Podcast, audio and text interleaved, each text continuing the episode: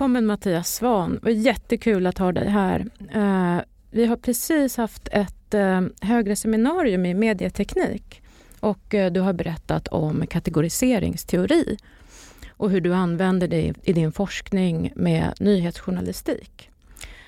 Mattias är här och besöker oss från Handelshögskolan i Stockholm där han är research fellow. Men han är också gästprofessor på Handelshögskolan i Riga i Lettland.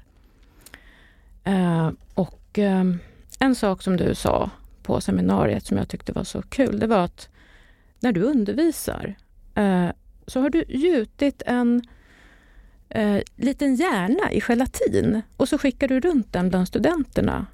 Eh, varför gjorde du det? Mm. Det var för att eh, följa upp en liten fråga som jag ställer i början av, i början av föreläsningen Nämligen, vad är den bästa multimediaupplevelsen som mänskligheten någonsin har hittat på all time? Och eh, utöver att skicka runt den här hjärnan som de får slämma lite grann på, så att säga naturlig storlek i gelatin, lite cigarettslemmig sak. Eh, så har jag också skickat runt en öppnad burk kaffe, de får smaka på choklad och föreläser som vanligt. I slutet av föreläsningen sen så eh, följer jag upp det hela med svaret efter att ha tagit emot några gissningar. Och eh, det kan ju ni också fundera på lite grann här. En sekund här nu. Vad tror du? ja. Och eh, svaret i slutändan blir den katolska mässan. För att eh, där har vi ju syn, hörsel, precis som i en föreläsning smak från nattvarden, doft från rökelsen och så hälsar man ju på sin bänkgranne och då har man känsel.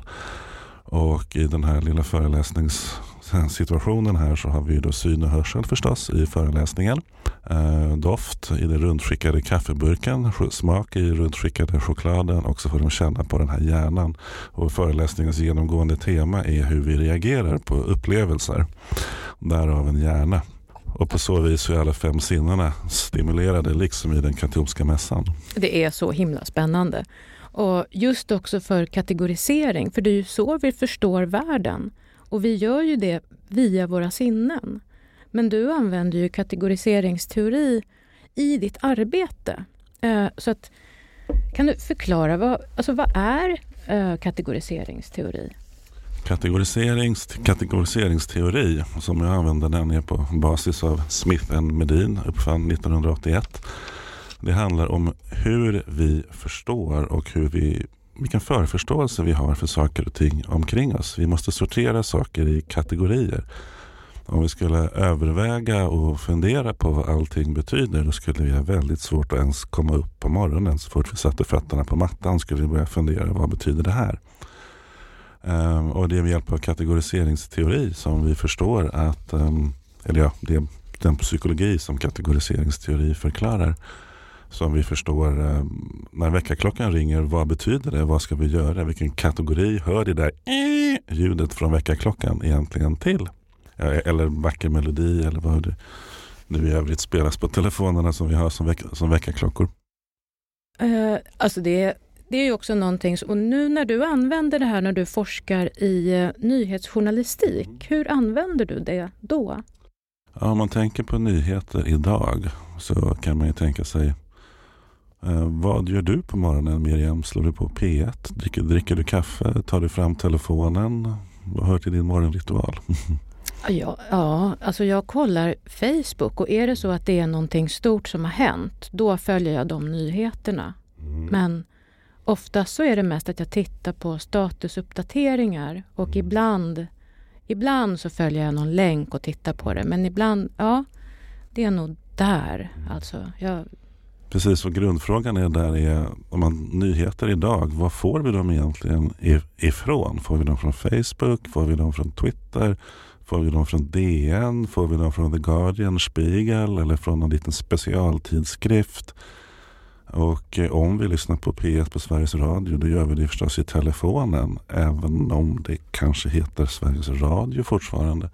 Så vad är ens radio idag? När såg du senast en radioapparat? Jag måste nästan betona det ordet. Och eh, alltihopa det här gör att um, det är ganska svårt att förstå vad en nyhet egentligen är och ännu mer i den mediesituation vi lever med idag på 2010-talet. Så grundfrågan i kategoriseringsteori där är vad är egentligen en nyhet? Varför vill vi ha det så gärna? För det är en ganska stor del av vår tänkeandel. Det har en stor andel av vårt tänkande och en stor andel av vår tid.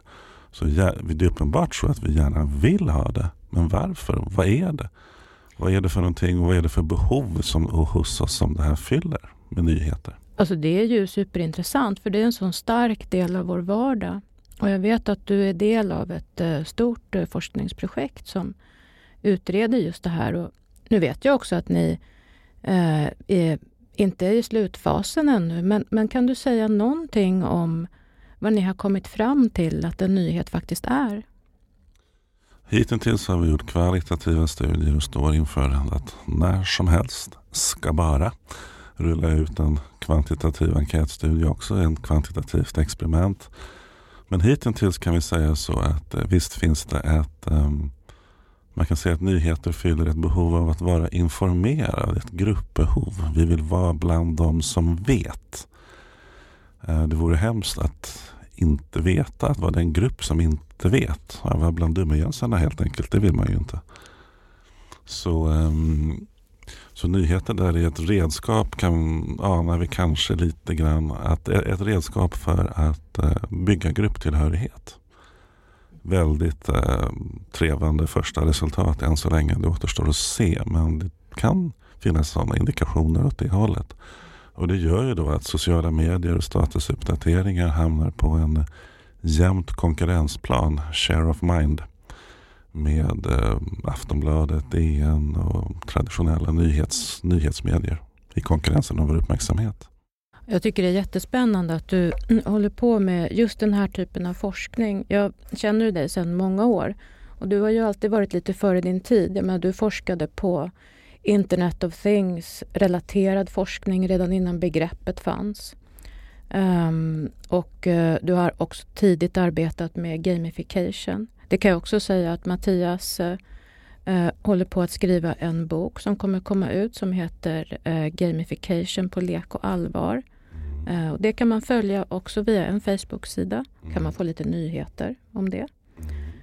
väldigt spännande. Och nu är du ju Eh, det här kommer bli en ganska kort intervju för att Mattias är på väg till en VR-konferens i München. Eh, och ehm, det är också ett spännande område och du som jobbar med det här, ser du att VR på något sätt kan användas på ett spännande sätt inom nyheter? Det finns en hel del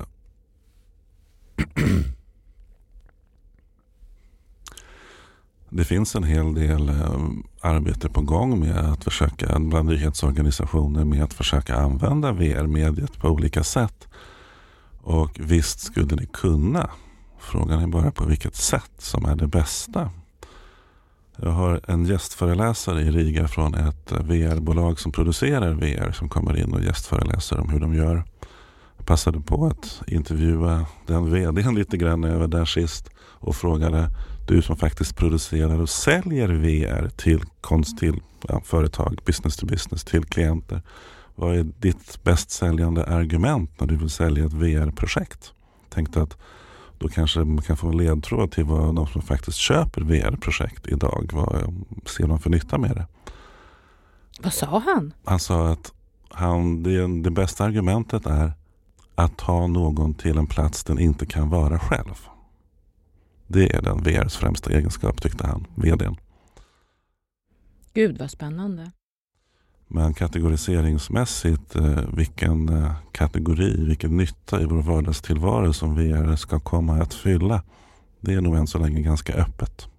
Ja, men jag tänker det vore ju verkligen Alltså om det är så att man skulle vara en journalist och göra ett nyhetsreportage och befinner sig mitt i någonting och att kunna fånga det på ett sådant sätt så att man som då nyhetskonsument eller vad man då ska kalla sig för.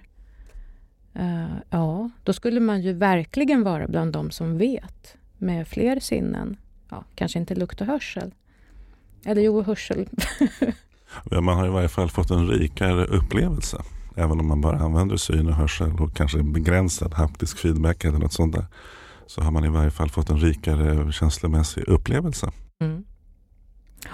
Jättespännande. Eh, stort tack Mattias eh, för att du kom hit och för att vi fick eh, prata med dig och höra om ditt arbete. Tackar, trevligt att vara här.